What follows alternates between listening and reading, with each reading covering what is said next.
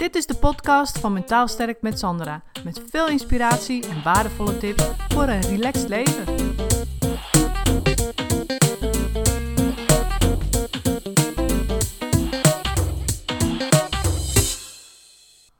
Stel nou dat je thuis komt en je vindt het echt onwijs belangrijk om meteen van alles op te ruimen. Misschien staat er nog wel een beetje iets van ontbijtboel en vind je dat dat eerst even opgeruimd moet zijn.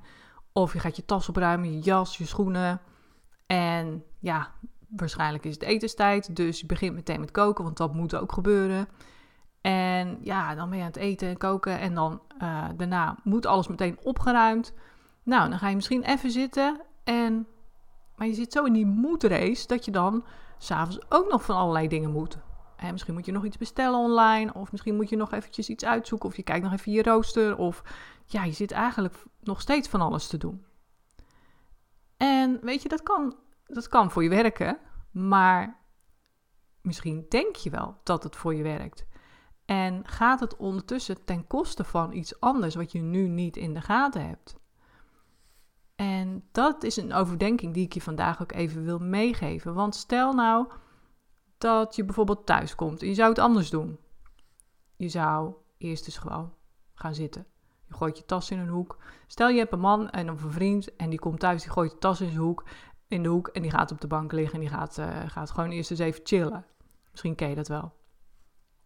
En jij snapt dat niet, want jij vindt er moet eerst van alles gebeuren. Maar stel nou dat je dat ook eens zou doen. Je komt thuis, misschien is je man al thuis, of hij komt al thuis, of je vriend, of je vriendin, je partner. En jij gaat ook gewoon eens even chillen op die bank. En, en je zit daar dan ineens samen. Wat, wat gebeurt er dan? Weet je, je zou je kunnen afvragen van... Als ik maar doorga met, die met die, al die moedmonsters, met al dat moeten op het moment dat je thuis komt. Je hebt de dag gewerkt en dan moest het ook al van alles. En dan kom je thuis en dan moet je gewoon ook nog weer van alles van jezelf. En denk je, ja, maar ja, zo werkt het nou eenmaal voor me. Ik kan niet in die rotzooi leven en weet je, daardoor voel ik me goed. Ja, tuurlijk. Maar ik zeg altijd, weet je, dat is een denkfout. Want stel dat jij straks 90 wordt en je kijkt nu terug, je kijkt terug op dit moment. Hoe wil je dan terugkijken op dit moment? Wil je dan kunnen zeggen van nou, ik heb aan al mijn moedmonsters voldaan. Ik heb altijd naar mijn moedmonsters geluisterd. Ik heb al mijn, alles wat ik van mezelf moet, heb ik uitgevoerd en daardoor voelde ik me goed.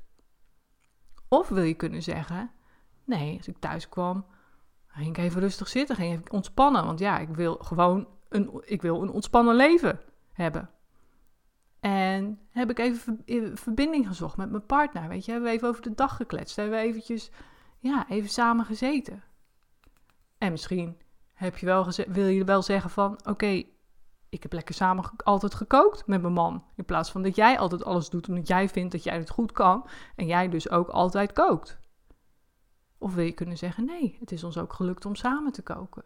En daarin over de dag te praten of over dingen die ons bezighouden. In plaats van alleen maar in onze eigen moedbubbel te zitten.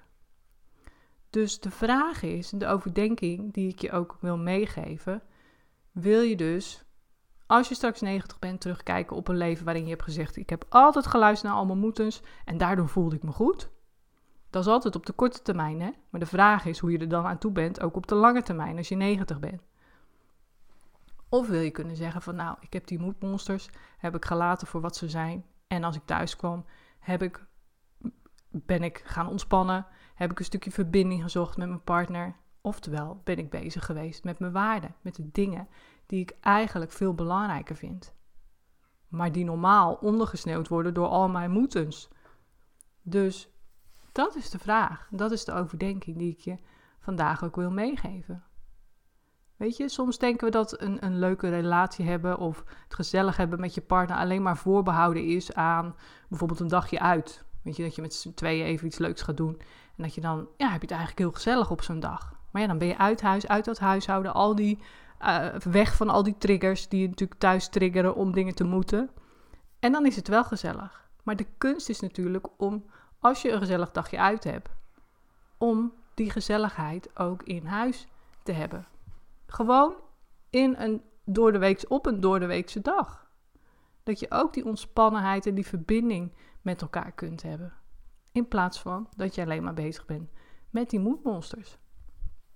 En als je nou een partner hebt die zegt van joh, weet je, stel dat je s'avonds ook altijd bezig bent met van alles wat moet. En je partner zegt van joh, hou nou eens op, kom gewoon even gezellig zitten. Of uh, laten we even samen een filmpje kijken. En jij zegt nee, want ik moet nog dit of dat doen. Weet je, je denkt, goh, heb ik die zeik het weer? Moet ik weer zitten? Daar heb ik allemaal helemaal geen tijd voor. Weet je, misschien is het een idee om daar je eens voor open te stellen. En te zeggen, ja, weet je, hij heeft eigenlijk wel gelijk. Laat ik ook eens gewoon gaan zitten. En ja, die moeten dus laten voor wat ze zijn. Weet je, dat kan ook. Maar dat is altijd een keuze. En die keuze is niet altijd makkelijk, omdat die moedmonsters vaak heel sterk zijn. En uh, ja, daarom is het natuurlijk belangrijk om jezelf daarin te trainen. Weet je, dit gaat ook niet altijd maar meteen voor de rest van je leven goed. Dat gaat met vallen en opstaan. Maar misschien is dit een eye-opener voor je en misschien zeg je, joh, dit weet ik al lang. maar hoe dan ook, als je het al lang weet, dan is natuurlijk de vraag, doe je het ook al? Weet je?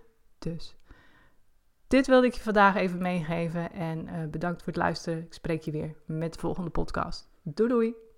Bedankt voor het luisteren. Het is mijn intentie om met deze podcast waardevolle inzichten te delen die je kunt gebruiken voor je eigen leven en die je helpen groeien in je persoonlijke ontwikkeling.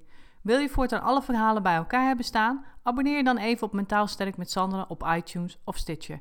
En ben je enthousiast over mijn verhaal? Dan zou ik het superleuk vinden als je een review achterlaat.